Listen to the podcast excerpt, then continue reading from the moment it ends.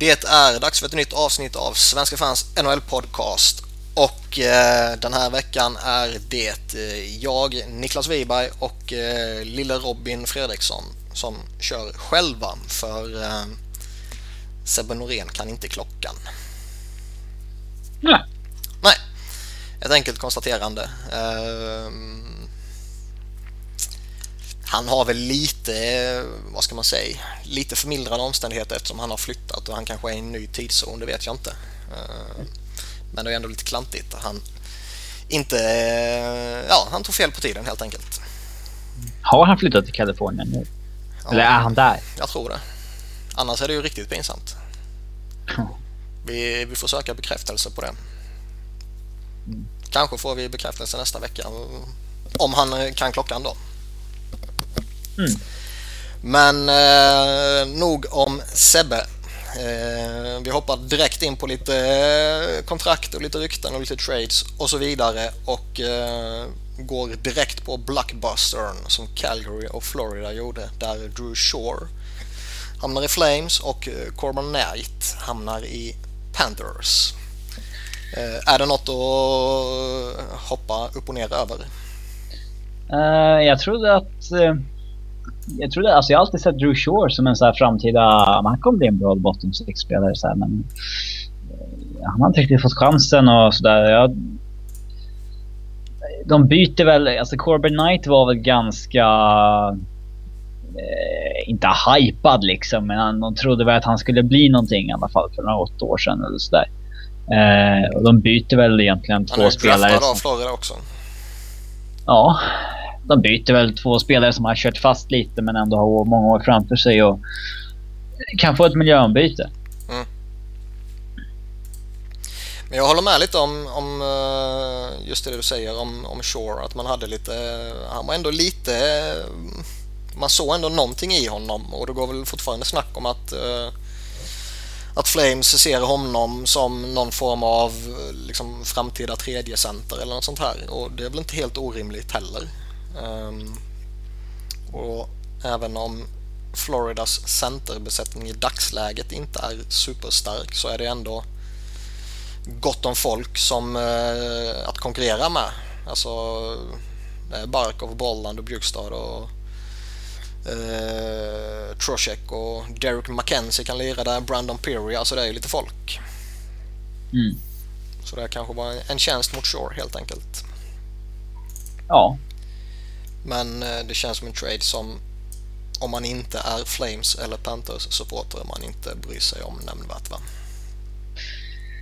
nej. Det är två killar som kanske, kanske inte ens spelar i NHL så att Mm. Eh, desto mer intressant är det väl däremot eh, med Sergej Bobrovskis kontrakt. Han fick fyra nya år av Columbus med en capita på 7,425 miljoner. Ja. Uh, det är en tung prislapp. Uh, med tanke på att han var RFA också är jag lite förvånad över att det blev så högt faktiskt. Uh, men uh, de väljer ju att korta ner termen lite. Kanske därför de får pröjsa honom lite mer också. Jag vet inte. Men uh, den här trenden som kom efter att Michael Layton och eh, eh, Antin eh, eh, tog eh, varsitt lag till final i Stanley Cup. När, då kom den här trenden att man kunde ha billiga målvakter. Eh, så man behövde inte lägga 6-7 miljoner på första målvakt. Det har ju vänt tillbaka lite nu. Att har du hittat din etta så håll, betala vad som krävs för att hålla fast vid honom. Mm.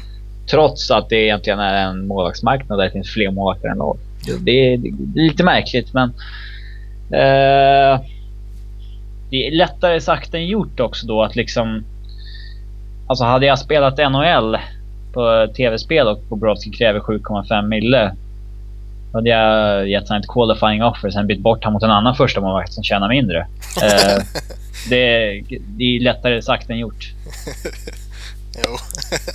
Fan, du, inte. du är hård GM du. Ja. Jag har inga heliga spelare när jag spelar. Jag eh, personligen kan väl jag tycka att de gör rätt som drar ner åren lite och, och kompenserar med lite eh, högre lön. Eh, och jag, jag, kan väl egentligen också tycka att eh, över 7 miljoner är kanske snäppet dyrt för honom. Men han har ändå varit eh, på det stora hela fantastisk i Blue Jackets. Han har haft lite problem här och där och sådär men eh, jag menar det, det är ju den utvecklingen som han fick i Columbus såg jag ju aldrig någonsin att han skulle få när han eh, var i Flyers. Nej, eh, de hade väl kunnat signa på det han tjänar nu, 5,6 och så här på lång tid. Eh, ja, vad blir det? För två år sedan. Eh, men då... Det var ju då de hade haft Mason och Bobrovski halva säsongen. Sen hade Bobrovski varit NHLs bästa målvakt den andra halvan. Mm. Men då var det ju en kort säsong. Det var ju en 48 matcher säsongen. Bobrovski hade varit enormt bra i 20-25 matcher. Men liksom det är inget man kan dänga upp ett Nej, upp åtta, åtta års kontrakt baserat på. Nej, så att, jag, kan, jag kan förstå att de inte valde den långa vägen då. Eh, men med fast hand borde de såklart gjort det. Eh, nu har de ju satt sig i en sitt där de fick betala lite mer. Eh, men, eh, det som är intressant nu är ju vad som händer när det här fyraårskontraktet går ut och han är 30 bast eh, och han fortfarande är en av ligans bästa målvakter. Då kan man hamna i problem om man hamnar i en liksom Lundqvist-situation där man måste signa upp ett åttaårskontrakt på en, en gammal, eller förhållandevis gammal då, målvakt. Ja. Det är väl där, det är väl där problematiken Ja, det skulle vara ja, vi får se. Det är, det är jobbigt med de här kontrakten som går ut när spelarna är typ 30. De är UFA då. Mm. Det är... Mm, sa lite som med Matt Duchene och sådär att det är att de blir UFA i ett läge där man kommer tvingas släppa dem kanske när de är i sin prime just då. Eller signa dem på ett kontrakt där majoriteten av kontraktet kan vara att spelaren är på nedgång eh, Det, är lite jobbigt. Definitivt. Um, annars ser jag väl... Han är ju så otroligt viktig för dem, Bobrovski, så jag ser väl egentligen inga jag, jag ser väl inga jätteproblem med det här kontraktet egentligen.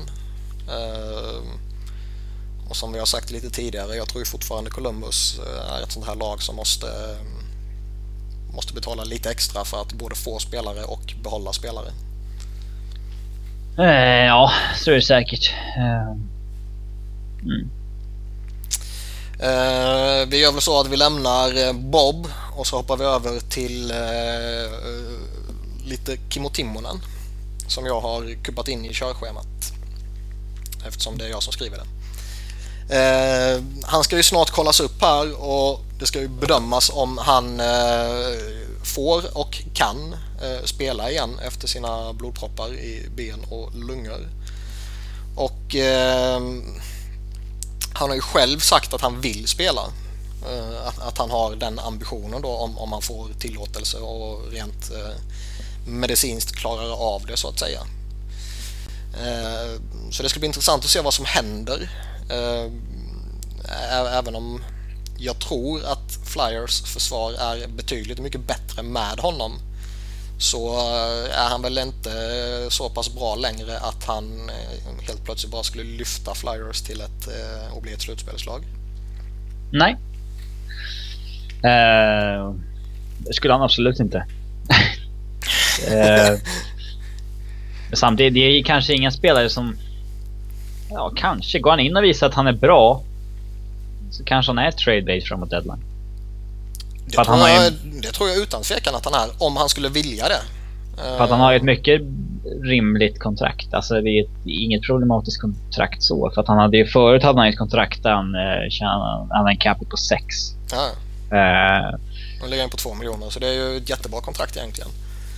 Mm. Uh, och, och, det är väl där som han är den största tillgången för Flyers kan jag känna. Uh, ja. Att, att han eh, kommer tillbaka och så gör han några, någon månad kanske och, och sen framåt uh, trade deadline så, så kan man skeppa honom till en, en uh, riktig contender. dels tycker jag fan att han förtjänar att få ett riktigt seriöst upplägg och chans på att vinna Stanley Cup eh, innan han slutar. För det här bör rimligtvis vara sista säsongen kan jag tycka. Mm. Men man vet ju aldrig. Han har spelat i så dåliga lag och hela karriären. Så. Nej, det håller jag väl inte riktigt med om. Men uh, det här vore liksom den här säsongen, det här med blodproppar och allt vad det innebär och sen komma tillbaka och sen spela eh, sista två månaderna eller vad det kan bli beroende på när han kan vara tillbaka. Det är tre månader och sånt där liksom. Då, I ett lag som är, liksom, som det ser ut nu inte kommer ha en sucks chans att nå slutspel. Det, det känns ju bara så jävla ovärdigt. Ja, det är käbbel. Eh, de... Eh, nej men alltså, kan han spela från och med januari så eh, då skulle jag väl, om jag har flyers, försökt eh, få Timonen att se rätt bra ut. Mycket offensiva tek, eh, inte spela så tuffa minuter. Eh, så att han får ett schysst plus minus och mycket poäng och sådär. Liksom det, eh. Visa upp honom helt enkelt. Ja. ja. Nej men det håller jag med om. Det är ju det man ska göra. Och vi, eh, vi kommer väl till det lite senare i programmet men jag tror ändå man har lite pusselbitar att kunna skeppa ut om man skulle vilja det. Men det återkommer vi till. Och istället hoppar vi norrut till Toronto som ju har bestämt sig för att kalla tillbaka William Nylander från Modo. Och eh, planen är ju att han ska spela i AHL säsongen ut, vad som än händer. Eh, om man sen tror på det eller inte, det, det får ju framtiden utvisa såklart. Men varför kallar man hem honom och vad tror vi är bäst för hans utveckling? Jag tror att det är bäst för hans utveckling att vara i AHL. Eh, det är inte jättemånga matcher kvar på säsongen i Modo. Eh, alltså han han ligger så långt fram talangmässigt på många områden att det är bättre att få in honom i det nordamerikanska spelsättet på liten rink och i tuffare miljöer i AHL. Och det är många fler matcher kvar på säsongen där än vad det är i, eh, över där det i Sverige. Så att tungt som fan för Modo men äh, det är nog det bästa för Williams utveckling. Mm. Jag tror inte det folk, jag tror inte de riktigt trodde att han skulle vara så här bra eh, när de satte han i Sverige inför säsongen att han skulle vara point per game i, eh, i SHL. Nej. Sen visar väl det här också på eh, ett, ett av alla problem som finns inom svenska hockeyn i att satsa på unga spelare. Mm. Eh, att helt plötsligt så, eh, om han är bra så helt plötsligt bara försvinner han och det finns ingenting du kan göra mot det. Nej, han, de hade ju en klausul att de kunde kalla tillbaka honom före 16 januari. Mm. Eh, det bör ju dock Modo varit förberedda på. Eh, om de liksom... Om de är hyfsat kompetenta, vilket jag tycker att de visar att de inte är när de värvade Donald Brashear, så skulle de vetat om det. Men det tror jag inte de är som sagt. ja, jag vet inte. Ledningen som är på plats tror jag är mer kompetent än den delen av ledningen som håller till Las Vegas. Och, ja. Är man tillräckligt kompetent skulle man inte tillåtit en sån värvning. Nej, oavsett om det är Peter Forsberg som ringer eller inte och vill ha in en polare. Mm. Uh, det, det som är lite intressant eh, med honom är väl annars uh, det här snacket att vad som än händer så kommer vi inte kalla upp honom till NHL. Uh, det, det, tror jag, alltså får de flera skador och de behöver någon någon, någon, vad ska man säga, en skicklig spelare i en scoring line, då tror jag definitivt han kan vara aktuell. Men jag skulle inte sätta in honom i NHL idag. Nej, han är, känns ju som ett barn i kroppen. Ja. Eh, det hade jag inte gjort. Jag, jag tyckte man såg under stunder under JVM här att... Ja, han blev ju uppkäkad av äldre spelare ja, där. Ja, liksom. precis. precis. Eh, nej, alltså han känns nästan, jag vet inte. Han, alltså han har ju tagit jättekliv på ett år. Från att han inledde svagt i Allsvenskan i fjol till att vara point per game i SHL i år. Eh, så visst kan han ju ta jättekliv sådär. Eh, det finns ju spelare med hans storlek i NHL som gör det bra men eh, det måste ju lära sig att spela på ett sätt, alltså lära sig att det inte ska bli ett problem för en. Mm. Eh, det kan ta ett tag det liksom, han kanske kan vara två år från att vara liksom ordinarie i NHL. Vem vet? Eh, Men eh, jag skulle inte... Han, skulle, han kommer behöva tid i AHL i alla fall. Det, det tror jag absolut. Vad säger vi eh, om det här snacket som en viss inom situationstecken eh, expert eh, här hemma sa att han tillsammans med pappa kom fram till att han vill lämna pressen i Modo och därför sticker till pressen i Toronto. Eh, alltså det är en annan typ av... Eh, alltså han går inte in i Leafs. Han går in i Marlies. Det är en annan sak. Jo, men, men ja, så är det givetvis en annan sak. Men både du och jag och de flesta, om inte alla lyssnarna, vet ju att eh, den pressen som finns i Toronto, och då menar jag Toronto som organisation, eh, finns ju ingen annanstans. Men det är Övik som är heart of hockey. ja, det får stå för dig. ja, det, men det kan ju vara liksom lite... Det, alltså... För grejerna, gör, gör han, går han in här i AHL och gör, gör det bra i AHL. Då kommer det... Vilket jag mycket väl tror att han kan göra. Då kommer det börja tuggas och då kommer det ju liksom ja, varför lyfter ni inte upp honom? Och han, han ska ju gå in och spela med Phil Kessel liksom och, och så vidare. Som center. Mm. Snacka om one way line. Mm. Uh, men, uh. Det ska bli skoj att följa honom i alla fall. Ja, det är vårt liksom, hopp till en stor superstjärna i NHL. Det är alltså på uh, forwardsidan i alla fall. Som vi inte riktigt uh, som vi inte riktigt har. Visst, man kan ju snacka om Landeskog och sånt där, men när vi snackar liksom stjärna. Eh, Filip Forsberg har väl ändå tänt en, eh, ett visst ja, hopp där? Eh, ja, det, kan, det har han väl gjort. Men liksom, vi har haft många som kanske inte blivit vad man trott. Zibanejad sexa i draften liksom. Och så här, det, eh, per Järvik tia har inte blivit ett skit. Så här, eh, och Oskar Lindblom som snart kommer att bli Flyers för first line left winger. Mm kanske. Eh.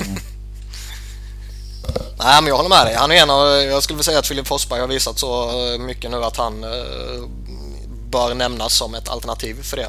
Men de två är väl de eh, mest spännande i alla fall. Det är väl Patrick Kane man skulle jämföra honom med, att det är den nivån han kan ta sig till. Mm. Eh, får se om, hur långt det blir, men han ligger ju extremt långt fram i utvecklingen för att vara 18 år när det gäller vissa eh, vissa moment i spelet. Eh, och eh, jag tror vi snackade lite om det när vi snackade JVM-podden, men alltså det, man tar ju hellre en spelare som har alla egenskaper som krävs men behöver lära sig spelets rutin. Liksom, mm. Än en spelare som är väldigt mogen i ung ålder men är dålig skytt, har inget dåligt spelsinne. Liksom. Eh, det, jag tror ju Nylander har mycket ljusare framtid än några av de mer klassiskt svenska spelarna vi har skickat över. Jo, ja, så är det. Det är enklare att lära ut uh, vissa saker än, uh, än den här uh, offensiva, graciösa... Ja, det är lättare att lära William att inte dribbla i mittzon än vad det är att lära Delaros att hitta de passningarna som William kan göra. Lite så det känns lite som att vi kommer hoppa mellan eh, vitt och svart här nu när vi går från William Nylander till Todd Bertuzzi. till Mikael Nylander. Sikta på comeback i... Eller hur? Uh, nej, men Big Bert har ju signat ett tryout-kontrakt med Binghamton Senators, det vill säga Ottawas farmarlag. Uh, snubben behöver väl av någon anledning pengar. Jag förstår inte vilken anledning det kan vara, men han behöver väl pengar. Uh, tror vi att han kommer tillbaka till NHL? Uh, eh, ja. Uh, namnet tror jag ändå klingar så pass... Alltså, kunde Claude Lemieux ta sig tillbaka? så ja, någon som behöver dept skulle nog göra det, ja. ja, jag vet inte fan alltså. Jag tyckte han var riktigt slut senaste rundan i Detroit. Ja, jag skulle inte gjort det. Men jag tror att det kan ske ändå. Vad, ja, ja, ja, nej, fan. Visst, möjligheten finns ju, men jag... En, en 39-årig tidigare powerforward som eh, liksom inte har några som helst eh, eh, finesser kvar längre. Det, jag vet inte om jag skulle vara så värst sugen på det. Alltså vill, vill du ha lite, jag, jag, förstår ju det här att man vill ha lite rutin och lite erfarenhet och lite, lite liksom, ja, man har varit med och kanske vunnit tidigare och, och allt vad det innebär i, i, och fylla på lite djup inför trade deadline kanske. Men... Han har fan inte vunnit tidigare va? Nej det har han inte. Men, men uh, han skulle ju... Tror man fan. Man hör namnet. Alltså han var i Detroit där de åren och sånt där. Men han var fan inte med just det året. Men de, ja, han kom väl direkt efter väl. Ja. Men uh, det finns ju bättre alternativ runt om i ligan om du vill gå efter den, den värvningen så att säga. Ja, men om du inte vill ge upp ett draftval eller sådär så... Uh, ja. Mm, ja, nej. Jävligt osexigt i alla fall. Uh, en annan veteran, Simon Gagné, uh, har ju meddelat att han inte kommer att återvända till Boston den här säsongen på grund av pappans död. Och uh, kommer det påverka Boston på något sätt? Alltså jag vill ju säga nej. Men samtidigt så har de ju haft en jävla jobbig cap-situation där de nästan känns som att de har fått problem att få ihop spelare till match nästan ibland. Eh, Fast han har nu blivit uppsatt på den här suspended list så han kommer inte påverka dem om jag har fattat saken rätt. Nej, men kan de signa en ny spelare av, ja, nog för att han inte är särskilt bra längre, men av hans kaliber för 600 000? Mm. För de, de lever ju verkligen på håret mot taket. Ja, så är det. Så är det. Nej, det är väl där som problemet skulle ligga. Annars så... Alltså nu, nu när de har fått upp en sån Pasternak som han, han har ändå gjort... Det är okej okay när han kom in nu får man väl säga liksom. Så det, det, annars tycker jag ändå att Gagné ändå var så pass bra så att han kunde gå in och ta en ordinarie roll i en av de lägre kedjorna. Det kan man väl inte riktigt säga om alla de här stolpskotten som Boston har provat den här säsongen. Mm. Så det är ett tråkigt och ovärdigt slut som det ser ut på den där karriären. Eh, ett annat eh, rykte som jag inte riktigt har någon koll på vilken substans det finns i det här ryktet men det är eh, att Phil Kessel i Toronto placeras in i Nashville. Känns det rimligt? Nej. ja, nej. Varför alltså, inte? Jag vilken ände ska man börja? Uh, jag förstår inte varför Toronto skulle vilja trada Kessel uh, till att börja med. Uh, nej. Eh, nej, jag har svårt att... Och om han skulle gå så finns det väl lag som har större behov än Nashville av den spelaren. Uh, jag tror jag, jag tycker ju Kessel får ovanligt, eller inte ovanligt, men uh, oproportionerligt menar jag. Mycket skit med tanke på att han är en av de poängbästa spelarna i hela ligan de senaste åren. Han har spelat med jävla Tyler Bosak. Ja. Det... Däremot så känns det väl lite som att ska du ta in honom och du ska betala det förmodat höga priset som det lär innebära så bör man ju ha en center tillgänglig att sätta honom jämte. Och även om Nashville är ett bra lag och, och, har väldigt många intressanta pusselbitar så har de ju inte den centern. Nope. Så jag vet inte riktigt om det är den spelaren jag skulle gå efter om jag vore Predators. Även om det såklart är en jätteduktig spelare och jag skulle väl inte heller bli förvånad om de skulle släppa honom. Ehm, men som sagt utbytet bör nog vara något väldigt speciellt i så fall. Ja. Eh, vi hoppar över på lite skador. Eh, en liten tråkig del för Los Angeles är att Tanner Pearson kommer vara borta länge på grund av ett benbrott. Eh, enligt Rob Blake har det uttalat sig någonting så kan det röra sig om så mycket som tre månader till och med. Ja, det är ett tapp. Det är ett tapp. Är det ett jobbigt tapp? Ja, framförallt för att det gäller ett lag som liksom... Eh, de har jobbat upp sig nu på slutet men de är inte så helt, helt hundra på att ja, vi går till slutspel. Liksom. Det, Nej men fan, det kommer de klara ju. Ja, det tror jag också. Men eh, jobbigt att få en skada när de bara har liksom en poäng ner till sista wildcard-platsen. Ja, Eh. säkert. Ska man säga Men, något positivt med det så är det väl faktiskt att eh, efter den där superinledningen med eh, den kedjan så har ju han tacklat av rätt rejält faktiskt och har varit eh, poängmässigt rätt så medioker. Sen ska man väl inte lasta honom allt för mycket med tanke på att han fortfarande klassifieras som eh, rookie har jag väl för mig.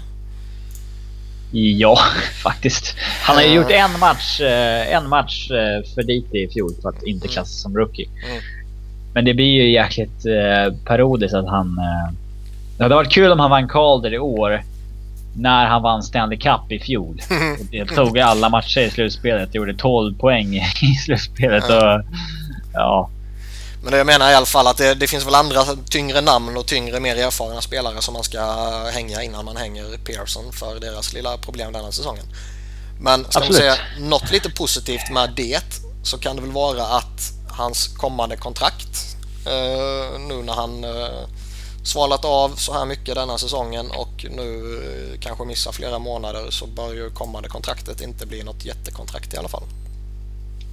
nej. Det eh, är nog enklare att motivera ett billigare kontrakt när han inte har... Eh, spelat. Ja. Eh, vi har hänt eh, lite skit i mitt Flyers också. Där, eh, eller skit och skit, att Niklas Grossman är borta två veckor är ju egentligen uteslutande positivt. vad man har för målsättning. Connor Ja, McDavid eller Ja. sista slutspelsplatsen? jag tror, jag tror ju fortfarande, jag har väl eh, McEichel som målsättning liksom.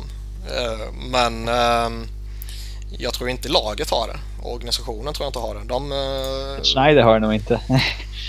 Nej, alltså jag tror ju fortfarande att de, eh, De vet ju, alltså de är ju inte dumma. de inser väl och och det fick man ju rätt tydligt, vad ska man säga, rätt tydligt eh, tydliga signaler om när Ron Hextall snackade med Florida vid, kring draften om första valet där han ville ha eh, skydd på sitt eget första val att eh, blev det för bra första val så skulle det bli ett annat val istället liksom. När man snackade trade där. Så redan där fick man ju lite signaler om att eh, de, vad, vad de kanske trodde om säsongen. Men jag tror fortfarande, även om det är 11 poäng upp till Rangers på fjärdeplatsen och Rangers har flera matcher till godo så, så tror jag inte att Flyers officiellt eller inofficiellt egentligen heller har gett upp hoppet. Eh, jag tror fortfarande de tror att eh, nej men vi kan vi kan hitta formen och så kan vi gå på eh, en liknande comeback som vi gjorde förra året. Det kan de säkert, men det är en jäkla skillnad att kunna ta sig in till sista slutspelsplatsen eller liksom faktiskt kunna göra någonting i slutspelet. Det är ju... Nej, nej, alltså, nej jag, jag, jag, tror de, jag tror inte de kan det och går de till slutspel så kommer, det, kommer de i absolut bästa fall eh, ryka i andra rundan. Ja. Eh, men liksom så jag, jag kan väl tycka att man redan nu bör, eh, men återigen det kommer vi till lite senare, att man bör titta på situationen. Men för att åter till Grossman så har han ju varit så fruktansvärt dålig och han kan ju ingenting numera. Um, Nej, ett eh, häpnadsväckande förfall faktiskt. Alltså, Ja, han har ju tappat allt ju. Han har ju aldrig varit den här eh, skridskovirtuosen och han har aldrig varit eh, tekniken med, med pucken liksom. Men tidigare kunde han ändå... Ja, man, man sket inte ner sig när han hade pucken vid klubban liksom. men alltså det här liksom... De här defensiva backarna som är stora och tunga som inte är så bra med pucken. De brukar ju få ett, liksom ett, ett förfall vid en viss ålder men... Grossman är bara 29. Mm.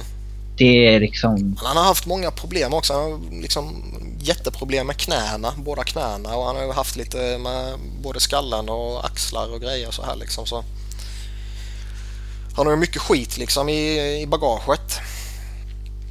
Och ti- tidigare, alltså när han kom till Flyers och en bit in, in mot OS-året där liksom så var det ändå en, en väldigt stabil defensiv pjäs som alltid har på något sätt haft de här bristerna men som ändå tidigare kunde kompensera för det genom att faktiskt vinna varenda fysisk duell i princip.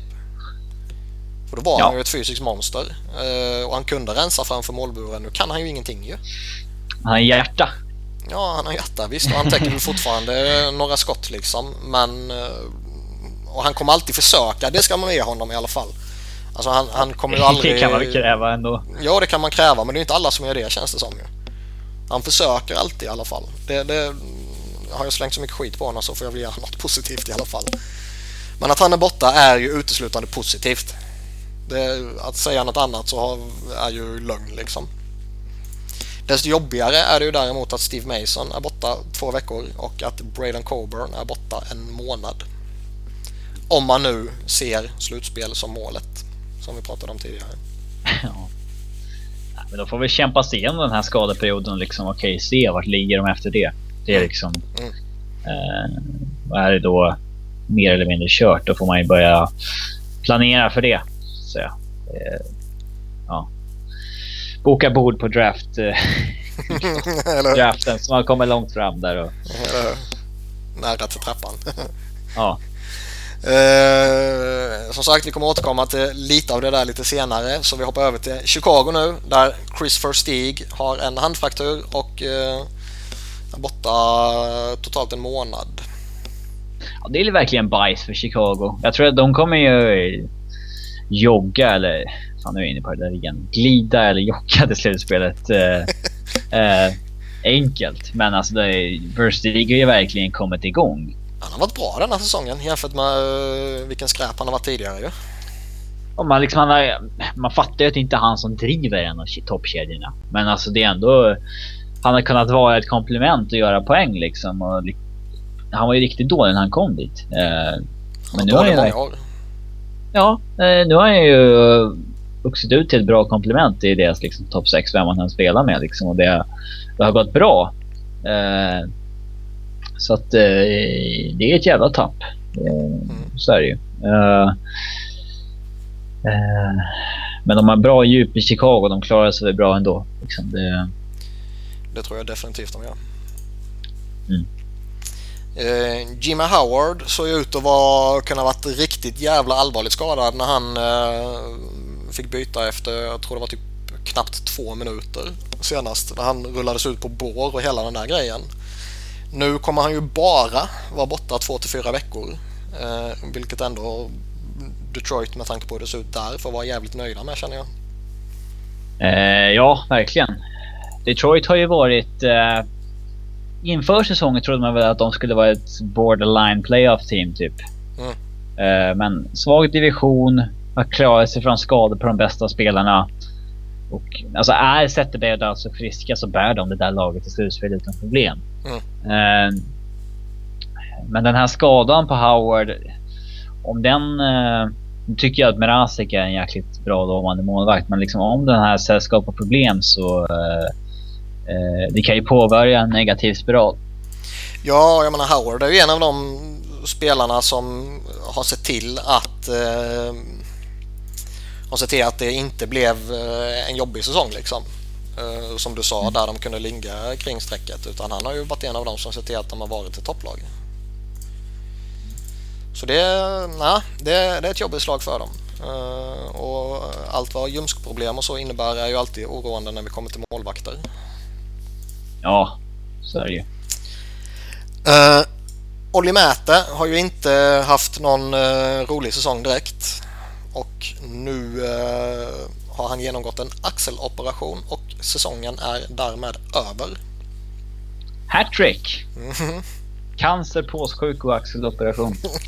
Eller Stackars pojk. ja. Det, ja, mer otur än så kan man inte ha på en säsong riktigt. Det Nej, är, även om du går och dör typ. Ja. Det är ju det är freak injuries hela skiten. Liksom. Det är, eller ja, Axel, jag vet inte. Va? Det var väl ingen så speciell situation han blev skadad, eller? Jag vet inte. Han var ju samma Axel han haft problem med tidigare. Okej. Okay. Men det, så det, det, finns väl någon, eh, något som hänger ihop då liksom. Men uh, det är, det är ett tungt tapp för Pittsburgh. Han är väl, eh, om inte deras bästa back i alla fall, så är en av de två, tre bästa beroende på eh, dagsform och så vidare.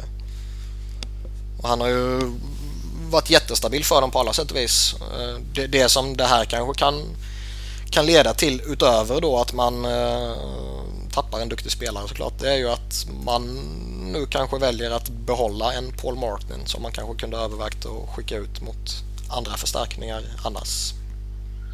Mm. Paul Martin är duktig dock alltså. Det, uh... Han är duktig men det är väl också en spelare som på ett utgående kontrakt man skulle kunna undvara om man känner att man behöver stärka upp någon annanstans. Ja, kanske. ja, det är det, men... Ja. Jag, nej, jag gör det ju definitivt inte nu när Mäta är borta. Men eh, har du helt ordinarie fullt frisk backbesättning där så tycker jag ju nog att Paul Martin är eh, en spelare man kan undvara för att stärka upp på andra håll. Mm. Ja, vi har en annan ung rolig back, Radko Gudas, eh, Tampa Bay, som har eh, opererat knät och borta fyra månader. Det kommer ja. påverka Lightning. Ja, det är lite karma för mig för att vi, vi har ju våran eh, fantasyliga som eh, folk kanske känner till. Eh, som jag leder. Eh, ja, eh, där jag eh, tog in John Gibson och så sen kom meddelandet att han kommer vara borta resten, han kommer vara kvar i AHL resten av säsongen. Och då passade jag på att byta bort honom mot Radko Godas utan att då säga till den jag tradade till att Gibson kommer vara i AHL hela säsongen. jag lyckades... Ja, jag var jäkligt nöjd. Jag lyckades få in Radko Godas utbyte mot en spelare som skulle vara i AHL hela säsongen och den andra, den killen jag tradade med, hade ingen aning om det. Eh, sen gick då, ja, kom det här och Godas är borta resten av säsongen. Eh, så ja, ja, det är lite karma för mig. Eh, så går det när man försöker vara slug och jävlig, men... Eh, Gudarna straffar dig direkt. Ja. Eh, det är en back jag gillar och han är tuff som utav helvete. Oh, ja. rolig att titta på. Även om det är liksom en, eh, en egenskap som blir mindre och mindre viktig typ, så är det ändå... Det är fortfarande roligt att titta på. Ja, det är en häftig back att se på när han liksom bossar eh, kring. Han är ju råhård liksom. Mm. Det, mm, det, det är tapp. Eh, alltså han är ju inte någon gud på isen liksom spelmässigt men eh, en bra back för ett sista backpar som jag absolut skulle gärna skulle ha i mitt lag. Som de, ja, de tappar. Billig också. Ja, det är inte så att de får upp massa cap space av att han hamnar på IR. Mm. Uh, vi hoppar från Godash till uh, All-Star Game. Uh, känns som en naturlig övergång. Och Eh, trupperna har ju presenterats och det är ju... Eh, jag pallar inte rabbla alla namnen utan det kan man ju gå in på nhl.com och titta om man inte redan har uppmärksammat det här. Men eh, är det något att bry sig om överhuvudtaget den här matchen och de här trupperna? Och är statusen så pass hög som den kanske egentligen bör vara? Jag har ingen aning om vilka som är med i truppen. Uh, jag vet att Eric Johnson kommer med från Avs för att det liksom har stått på deras Twitterkonto och sådär. Uh, och nej, jag tycker inte att det förtjänar större uppmärksamhet så som det sköts idag. Jag håller med dig. Jag känner... Uh, idag känner jag nästan liksom att det är mer är en bestraffning mot spelarna att behöva åka dit. Jag ser ju hellre att mina spelare får semester och kan vila. Ja, ja jag tror inte att folk som... Tramsa, liksom. Jag tror inte att spelarna ser det som någon ära alls att åka dit. Det är liksom så, åh, fan jobbigt liksom. ja, alltså jag skulle ju inte alltså skulle jag bo i den stan där en sån här match skulle gå, nu är det ju Columbus den här säsongen, men vad det nu än skulle vara, så skulle jag ju inte betala pengar för att gå och titta på det där. Mm. Uh, nej, det... Och jag tycker liksom det... Jag tycker det, vi har väl pratat om det tidigare också, men jag tycker det är ovärdigt med en omröstning på nätet där eh, liksom vad fan som helst kan ske, vilket vi såg nu med Girgansons till exempel. Och jag tycker också det är tramsigt att alla lagen ska ha en spelare eh, minst uttagen. Utan jag tycker att antingen så ska man plocka ut det absolut bästa och göra det fullt ut ordentligt eller så ska man inte göra det alls. Och ju mer jag tänker på det desto mer tror jag nog ändå att jag tilltalas lite av Nordamerika versus resten av världen som det var lite kring, eh, kring sekelskiftet. Om det var, kan ha varit tre, fyra, fem som matcher kanske. Då, blir det ändå, mm. då finns det ändå någon form av lite prestige och lite rivalitet kanske, vilket man ändå behöver i en hockeymatch. För den här matchen, även om man får se schyssta tekniska nummer och så vidare, så är den ju alltså helt känslolös. Den är mindre, alltså den är mindre intensiv än en träning. Alltså det, alltså det, är, det är knappt match. Det är liksom, ja. Ingenting händer ju i stort sett där. Det är, nej. nej, nej, man får se några schyssta passningar. Målvakterna, målvakterna plojar runt liksom och kan försöka sig på slidningar och sådär och larva sig liksom. Och det, det, ingen tar det seriöst helt enkelt. Nej, nej, nej, jag håller med helt och hållet. Jag tycker bara det är skräp. Uh, och vi lämnar All-Star-matchen med den lilla utläggningen helt enkelt och hoppar in på lite uh, lyssnarönskemål och så vidare. Och vi börjar med Mike Joe i Minnesota. Uh, som ska ha fått något frispel häromdagen och skällt ut dem så det bara sjunger om det på träningarna. Och stormat eh, av isen helt enkelt och slängt sin klubba och allt vad det innebär. Och såg ju. Det, så, alltså, det, lä, det var ju mer upphypat än vad det var. Man... Jo, men så är det ju alltid. Men det är ändå lite charmigt och lite skoj och värt att uppmärksamma. Ja. Ehm, framförallt eftersom de då ligger där de ligger och har väl, får man väl ändå påstå, eh, underpresterat grovt. Ja, det får man väl säga. Uh, hur pass säkert tror vi att han sitter? Kan det vara en sån frustration att han känner att uh, fan, jag ligger riktigt risigt till här. Jag, liksom, jag måste försöka någonting nu för att tända de här eh, dörrnickarna så att jag inte tappar jobbet. Och så får han ett psykbryt. Uh, kanske. Jag, jag tycker inte att han är någon supercoach. Men Eh, jag tycker inte heller att det är han som ska stå till svars för det här. Alltså Minnesota är enda laget i hela NHL som har en räddningsprocent under 90. Mm. Det, det, är ett enormt målvaktsproblem. Och det är Chuck Fletcher man ska kolla på då, inte på eh, Mike Geo. Det är ju inte bara ett målvaktsproblem. De har ju haft en, en säsong som varit eh, rätt galen med eh, påssjukan och det har varit, eh, som du sa, målvaktsproblem. Det har varit allmänna formsvackor på allt och alla och Thomas Warneck funkar liksom inte och både Zach Parisi och Ryan Surers eh, fassor har ju väl gått bort. Och, eh, det har verkligen varit jättemycket kaos som har påverkat. Eh, så jag, jag, kan, jag kan hålla med dig om att det är lite tufft att, att lägga någon skuld på Mike Yeo. Uh, ja, jag, skulle, alltså jag tycker inte att han är någon supercoach alls. Men jag, det är inte han jag skulle offra alls faktiskt. Eh,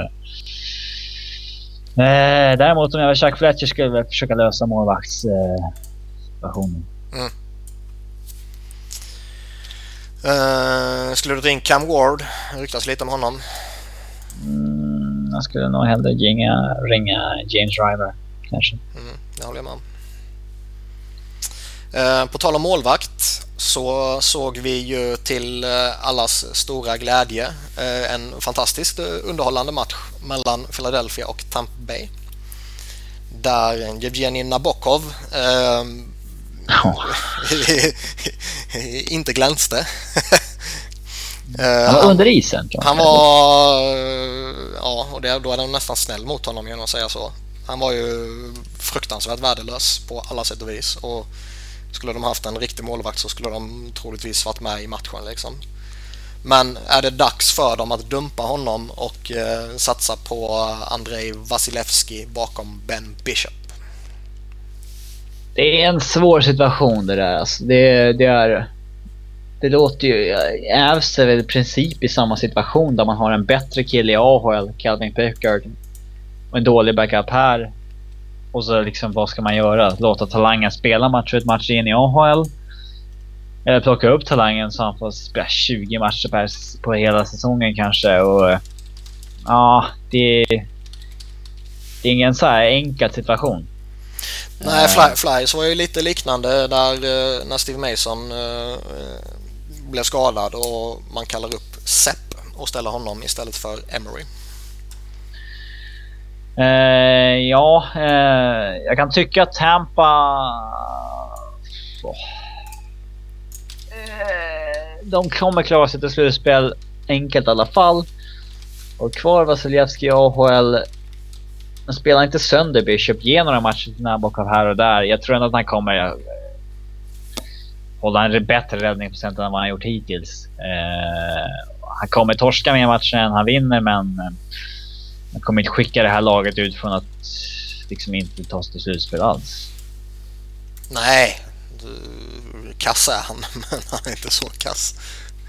Uh, och jag, jag är lite så här att Vasilevski han, han behöver väl spela för att maximera sin utveckling. Och jag tror väl inte att han kommer spela egentligen tillräckligt mycket uh, i, uh, i en roll bakom Bishop. Nej.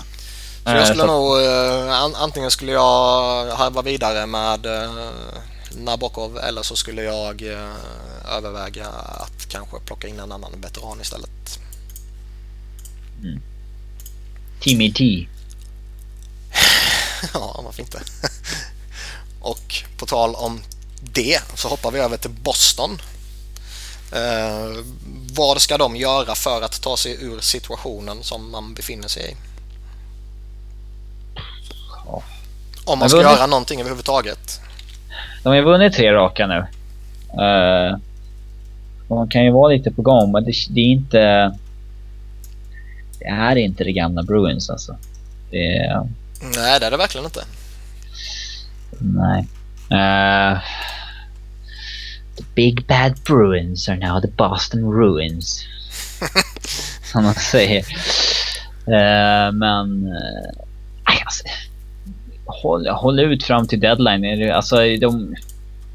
Jag har svårt att se det här laget inte tas till slutspel. Alltså, det, det har jag. Uh, de har ju till och med rört om så att de har satt Bergeron med Lucic nu istället. Mm det, jag sa ju tidigare att man skulle eh, vänta ut till Chara och Krejci har, eh, har kommit tillbaka och spelat en hel del matcher och då se var, var man står för någonstans. Och nu har ju båda två gjort ett tiotal, ett dussin, 15 matcher och sånt här. Och jag vet väl inte riktigt om det har fått den eh, rejäla effekten som jag kanske trodde att man skulle få. Även som du säger, visst man har vunnit tre raka nu men två av matcherna var mot New Jersey och Philadelphia. Ja. Uh, Dessförinnan tror... torskade man mot Carolina och Ottawa. Jag skulle nog ha is i magen någon månad till i alla fall. Uh, skulle det fortfarande se ut så här, jag har svårt att se någon, så här, någon trade av att... Alltså Boston behöver ju... Alltså jag, om jag var Boston skulle inte jag byta bort någon framtid mot liksom ta in en vad har det ryktats om? Chris Stewart och sådana här. Mm. Eh, nog för att deras window, eh, liksom, fönster är kort att vinna, men eh, jag skulle inte vilja offra någon framtid eh, på det. Nej, inte om man pratar om Chris Stewart. Det skulle jag inte offra framtid för. Uh, däremot så för rätt spelare så tycker jag nog att Boston... Ja, det snackas om Eberle också. Men han är ändå ung. Ja, han skulle jag ju offra framtid för om jag är Boston. Det, det tycker jag definitivt, både framtid och nutid. Eh, för han tror jag kan vara en, eh, i ett riktigt lag, i, jämte en riktig center, så tror jag han kan vara fantastisk. Ja, en mer liksom uh, consistent mm. spelare än vad han är i Edmonton. Mm. Uh, vi lämnar Boston lite och hoppar över till Demo Sellene som ju fick tröjan pensionerad av Anaheim och hissade taket. Och uh, är han värdig det? ja. Uh, det är en organisation som inte hade en enda tröja pensionerad. Eh, därav tycker jag väl att det är rimligt att kraven är ganska låga. Han är den spelaren som spelat flest matcher i eh, Anaheim. Han är den spelaren som har gjort flest assist i Anaheim. Den spelaren som har gjort mest mål i Anaheim, mest poäng i Anaheim. Uh, så att, ja. Det tycker mm. jag. Jag håller med dig. Jag tycker han är en spelare som ska få sin tröja hissad i, uh, i Anaheims uh, färger då så att säga. Och uh, som vi pratade om för några veckor sedan så har jag väl kanske rätt höga krav på att vad det ska leda till. Mm. Men det är en förening som har noll, eller en klubb som har noll tröjor i taket nu. Ja. Alltså man nej, nej, förståelse för att de har inte samma krav som Detroit eller Philly. Eller... Ja, men jag tycker fortfarande grundkravet oavsett organisation ska vara att du ska ha vunnit. Uh, alternativ ska det vara som jag har sagt något sånt där jätteextremt som Ray Bork som gör liksom 20 supersäsonger i Boston. Uh, och är liksom en av tidernas fem bästa backar. Vad kul det hade varit om han hade tröjan hissad i, i Pepsi Center men inte i Boston. ja. Men jag, jag, jag tycker liksom, man, man, ska vinna, man ska där i jättemånga år, man ska liksom en framträdande spelare slash ikon. Och man ska gärna ha några individuella priser här och där liksom. Och... Man ska gärna inte ha för många andra klubbar på CVt heller. Nej. Ja. Mm. Jag uh, menar, det, det, där passar väl Teemu Selänne in rätt uh, bra skulle jag säga. Där tycker jag till exempel att Jager har ju eh, förbrukat sina chanser i Pittsburgh genom att han har spelat i så många andra klubbar. Ja, ja. det tycker jag. Hade han kommit tillbaka från KL, avslutat i Pittsburgh och bara haft där Washington Rangers på CV, då hade jag tyckt att hans tröja ska upp i, i, i Pittsburgh, men inte nu. Mm. Nej, det håller jag med om. För många klubbar kan ju såklart riva sönder en, äh, ett legacy på det sättet. Sen är ju Jagr fortfarande en av tidernas överlägset största spelare liksom. Men... Äh, han inte, alltså han har ju inte... Men det inte kan man ju vara utan att äh, ha förtjänat sin tröja i någon viss organisation. Ja, ja, ja. Men jag, jag tycker sällan är värdig det enligt mina, enligt vissa sjuka krav. Jerome McGinley i Calgary då? Mm, nej. Ho. Ja. Jag tycker inte det. Den är tung. Fast, ja, men du vet, de har ju ändå haft lite, de har ju haft tidigare framgångar, de har vunnit tidigare och så vidare liksom. Uh, mm. Visst, han var bra, men han var ju inte liksom, det är inte så att han varit uh, Alltså börjar man prata bästa backen eller bästa målvakten eller bästa forwarden eller centern eller whatever genom tiderna så är ju inte det ett namn som ploppar upp. Uh, nej. Det... Jag menar det, det, tycker jag ändå liksom då... Men de har Mike Vernon i taket. Har de det? Ja. Alltså, ja. Enligt Elite Prospects i alla fall. Ja, nej, det stämmer säkert. Jag, jag har inte så äh, jättebra koll på vad som hänger i taket. han var där när de vann, men han har inga matcher i det slutspelet de vann. Uh, och de har Lanny McDonald i taket som gjorde... Vad gjorde han? Sju och en halv säsong i Calgary. Uh, var väl strax under point per game. Mm. Fast ja, nej men bara för att det hänger tröjor där som kanske ja, inte... Men har man satt ribban på en nivå så får man ju fan gå efter det. Ja, det, det kan jag... Avs har ju slängt upp äh, Adam Foot. Då måste man slänga upp vem fan som helst ja. ja, men alltså inte... Ja, man kan ju inte sätta... Ja, ribban efter Ray Bork. Då ska ju Sean Michael Niles upp också. Men alltså... äh, har man slängt upp Adam Foot får man slänga upp Hejduk också.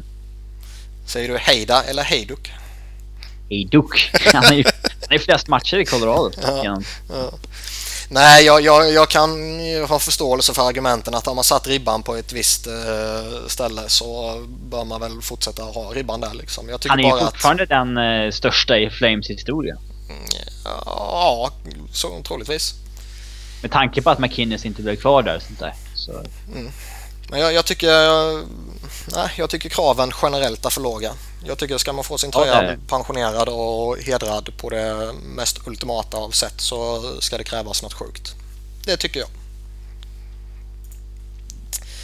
Eh, vi gör väl så att vi hoppar från Selene till eh, lite Rangers som ju svepte västkusten och det innebär då Anaheim, LA och San Jose i det här fallet. Och de har vunnit fem raka, de har bara torskat två av sina 15 senaste matcher och är man kort och gott att räkna med igen efter en liten eh, sisådär inledning. Uh, alltså mina eh, Rangers kommer väl ta sig till slutspel men det är väl inget lag som jag ser som ska utmana om kuppen. Liksom det, så alla lag får lite liksom formtoppar och formsvackor och det här är väl en av deras formtoppar. Ja, jag... Egentligen skulle jag väl säga att det är någonstans mittemellan mot vad du säger och eh, en contender liksom. Jag, jag, jag, Hade de torskat två det här mitt i hade ju ingen snackat om. nej, det håller jag med om. Eh, Det är ändå bara två matcher då liksom. Men det, det är ändå, jag, tror ändå det här är likt förra året ett av de här lagen som faktiskt skulle kunna gå igenom Eastern. Eh, Ja, med tanke på att konkurrensen är svaga. Ja. Eh, Däremot så tror jag väl att det inte är ett av de här lagen som kan utmana lagen Chicago eller någon. Nej. Men det är så jag, jag tror väl att det, den formen de är i nu speglar väl inte sanningen om man säger så. Nej, de är väl topp fem lag i East. Mm. Jag säga. Vi gör så att vi hoppar från Rangers till självaste Melker Karlsson som nu har smält in mål i fem raka matcher. Och är han kort och gott i NHL för att stanna. Jag vet inte, jag har inte så bra koll på honom. Jag såg inte så mycket Skellefteå när han var där. Eh, och... Eh, nej, jag vet inte riktigt. Eh, jag har inte sett eh, San Jose när han har varit där heller, men... Alltså... Han har ju haft en orimlig utdelning, det kan vi säga. Eh, men... Eh, jag vet inte, det är klart att det, man har ju köpt sig ett jäkla förtroendekapital när man gör fem matcher i rad. Eh, det, men de har väl råd att ha kvar honom i, i, ja, i NHL. Ja, varför skulle jag inte ha det för?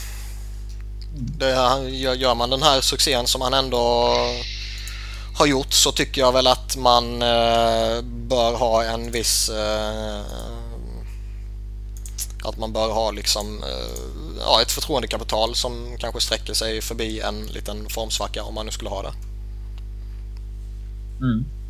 Jag får spela mycket med Pavelski och Logan Couture till exempel. Så det, uppenbarligen är det någonting som fungerar så varför inte köra vidare bara.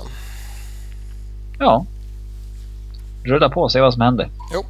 Om man gör mål i 15 matcher i rad eller vad det nu landar på. Mm, mm. Jag tror att det landar på fem. Om jag eh, Jag tror fem är mer sannolikt än 15 i alla fall. ja, fem är nog mer sannolikt än sex också. Jo, det är det nog. Eh, med det så hoppar vi över till eh, det jag snackade lite om tidigare. Lite det här att eh, ska man satsa mot ett slutspel eller ska man kanske börja sälja av lite? Och vi surrar lite kort om lagen som ligger i eh, någon form av ingenmansland helt enkelt. De här som är i den absoluta botten, typ Sabres, skippar vi för där är det rätt uppenbart. Och typ New Jersey snackade vi förra veckan.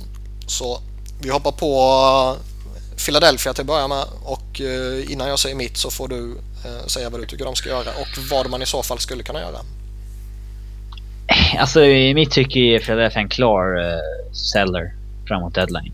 Uh, jag... Jag ser ingen uh, liksom, anledning för dem att satsa mot något slutspel. Uh, så att... Uh, nej, jag hade väl försökt sälja av och problemet är väl kanske att de har inte så jäkla många pending UFAs.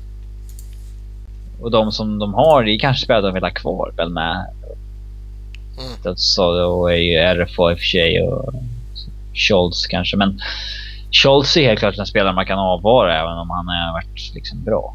Eh, Så att, eh, Det jag känner är väl egentligen att tittar man igenom truppen så är det väl eh, Giroud, Voracek, Simmons, Couturier, Mark Strait och eh, eh, Laughton och sen Mason som eh, jag inte skulle vilja släppa. Alla andra bör på något sätt eh, kanske inte vara på marknaden så sett men vara öppna för att tradas iväg liksom. Eh, en sån som Coburn tror jag... Han borde de nästan släppa, det har jag sagt förr. Han borde man nästan släppa men sen samtidigt så eh, skulle jag inte ha något emot om man inte gör det heller. Ehm, för det, det, är ändå... Eh, man kan bli galen på honom. Han har ett hockey-IQ som är eh, förvånansvärt lågt. Men sätter man honom jämte en stabil snubbe så brukar han prestera i alla fall. Och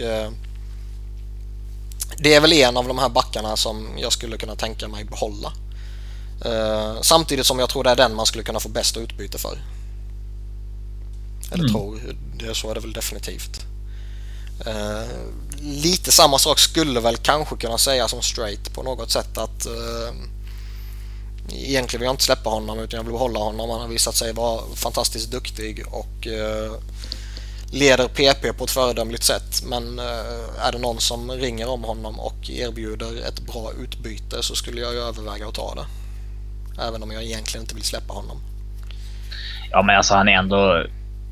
Flyers ser inte ut att utmana i år eller nästa år.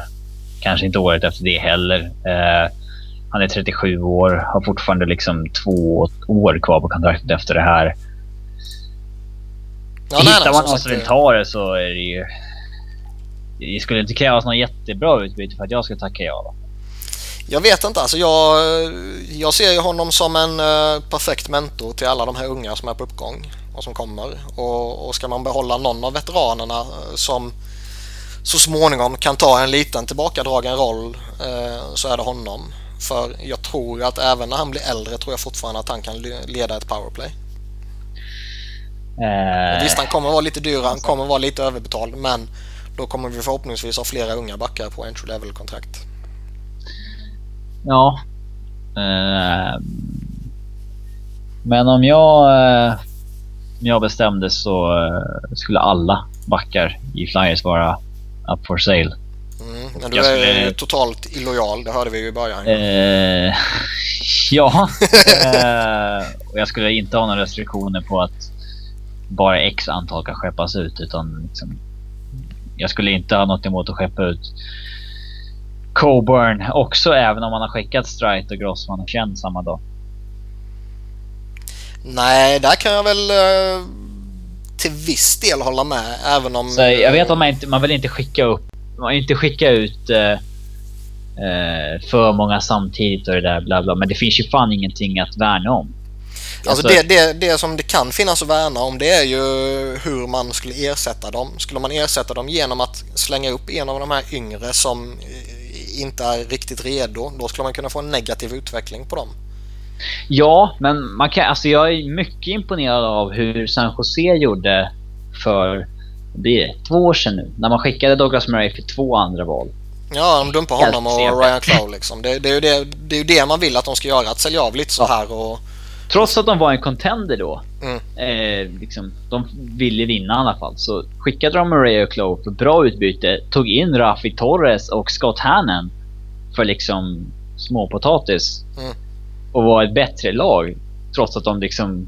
Eh, alltså, något sånt kan man göra. Man kan ju hitta de här pissbackarna som kan spela 30 matcher säsongen ut för liksom future considerations, ett sjunde val. Ja. Eh, man kommer ju få draftval för de man skickar bort som är bättre. Mm. Att, alltså, att ta in en Scott Hanna som Sharks gjorde för ett sjunde rundsval, det är jätte, jättebra om man kan skicka liksom om man kan skicka Grossman för tredje rundsval. Ja, ja. Eh, Grossman är en sån som jag skulle vända på alla möjliga och omöjliga stenar som bara finns för att bli av med. Ja, eh, Chen är väl den som man kanske eh, skulle vara minst angelägen att släppa av de som är dyra, så att säga. Eh, I mitt tycke. Eh, du, du, skulle väl säga Strite, men... Nej, men de två. Sen, eh, sen är det väl hitta... skillnaden mellan de två så pass liten. Det, det håller jag väl med om. i det här fallet. Då. Kan man hitta någon som vill ta McDonalds kontrakt utan att skicka någon skit tillbaka så skulle jag ta den möjligheten också. Ja, men i dagsläget ser inte jag det som en möjlighet. Så han, han, tror jag man är fast med vare sig man vill eller ej. Liksom. Uh, Mark Strait skulle jag inte släppa om man inte får ett riktigt bra utbyte. Coburn, eh, ja får man en okej okay deal kan man släppa honom annars har inte jag något emot det. Luke Chen skulle jag nog faktiskt behålla för uh, han är bättre än vad det sägs om honom och framförallt så har han inte förtjänat att bli petad vilket är helt absurt. Uh, samma sak kan säga om Michael Del Soro, men han skulle jag behålla. Honom skulle jag nog behålla om man inte får ett riktigt bra utbyte för han har ändå varit riktigt bra för dem. Grossman skickar mot vad fan du kan få. Nick Schultz skickar ut honom så fort som möjligt. Um, Vill någon ha Koljakov så visst. Ja, och, in, och, samma sak med Kola. Inte för att de två har varit dåliga, mer för att de har varit bra båda två, men mer för att man kan få något för dem. Mm. Eh, och det går, alltså det, man kan hitta de här uh, capdumpsen som folk vill bli av med för vad som helst som man kan köra på säsongen ut. Som, det är lag som vill eh, skapa löneutrymme när de tar in någon annan och sådär. Liksom det, det, finns massa, eh, massa sådana spelare. Mm. Man måste, det är inte så att man måste skicka upp en grön Robert Hägg i, i skottlinjen liksom för att eh, man tradar bort några spelare. Utan det, det kan man definitivt göra. Nej, det håller jag med om. Man måste inte, men uh, bara man inte gör det liksom. På forwardsidan är väl ingen jag skulle typ aktivt försöka skeppa. Alltså det är liksom... Det är ju Umberger eller Cavalier. Ja. Eh, men liksom det är Men de är ju inte möjliga. Nej, det är liksom... Ja, om någon vill ta dem, ja. Men det är liksom inga andra man skulle liksom försöka eh, shoppa liksom. Eh. Mm. Uh, vi hoppar till Columbus. Ska de satsa eller ska de börja sälja av lite efter deras eh, smått problematiska säsong? De har ju fortfarande, eh, får man ju ändå säga, en hygglig kontakt uppåt. Visst, de är några poäng efter men eh, de har några matcher till godo på vissa lag. Ja du. Det här är ju en lite speciell situation med den eh, klubbens historik och sådär. Det finns ju ett symbolvärde för dem i att satsa snarare än att ja, det blir inget i år heller. Mm. Uh, och där skulle jag väl uh, vänta och se. Uh, ta, kanske ta beslut en vecka före deadline eller något, vad, vilken väg man ska gå. Jag skulle nog satsa oavsett egentligen. För jag tycker de... Alltså de, de spelarna de har ser jag väl egentligen ingen som liksom nej men han vill inte vi ha nästa år. Uh, utan jag, jag, tror liksom att jag, jag, får, de, får de alla friska och, och hittar formen och, och, kan göra en riktigt seriös satsning så tror jag de har goda möjligheter att ta sig in i slutspelet.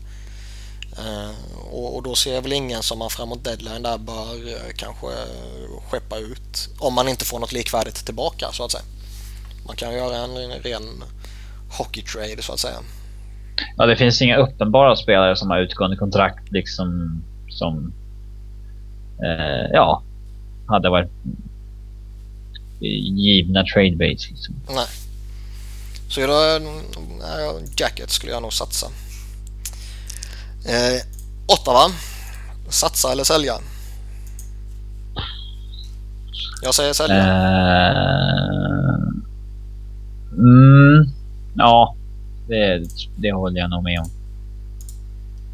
Faktiskt. Uh, Mark Metad skulle jag nog skeppa mot deadline. Han vill ju ha ett kontrakt som är CP, sägs det. Mm, mm. Uh, kan man få något schysst för honom? Bra.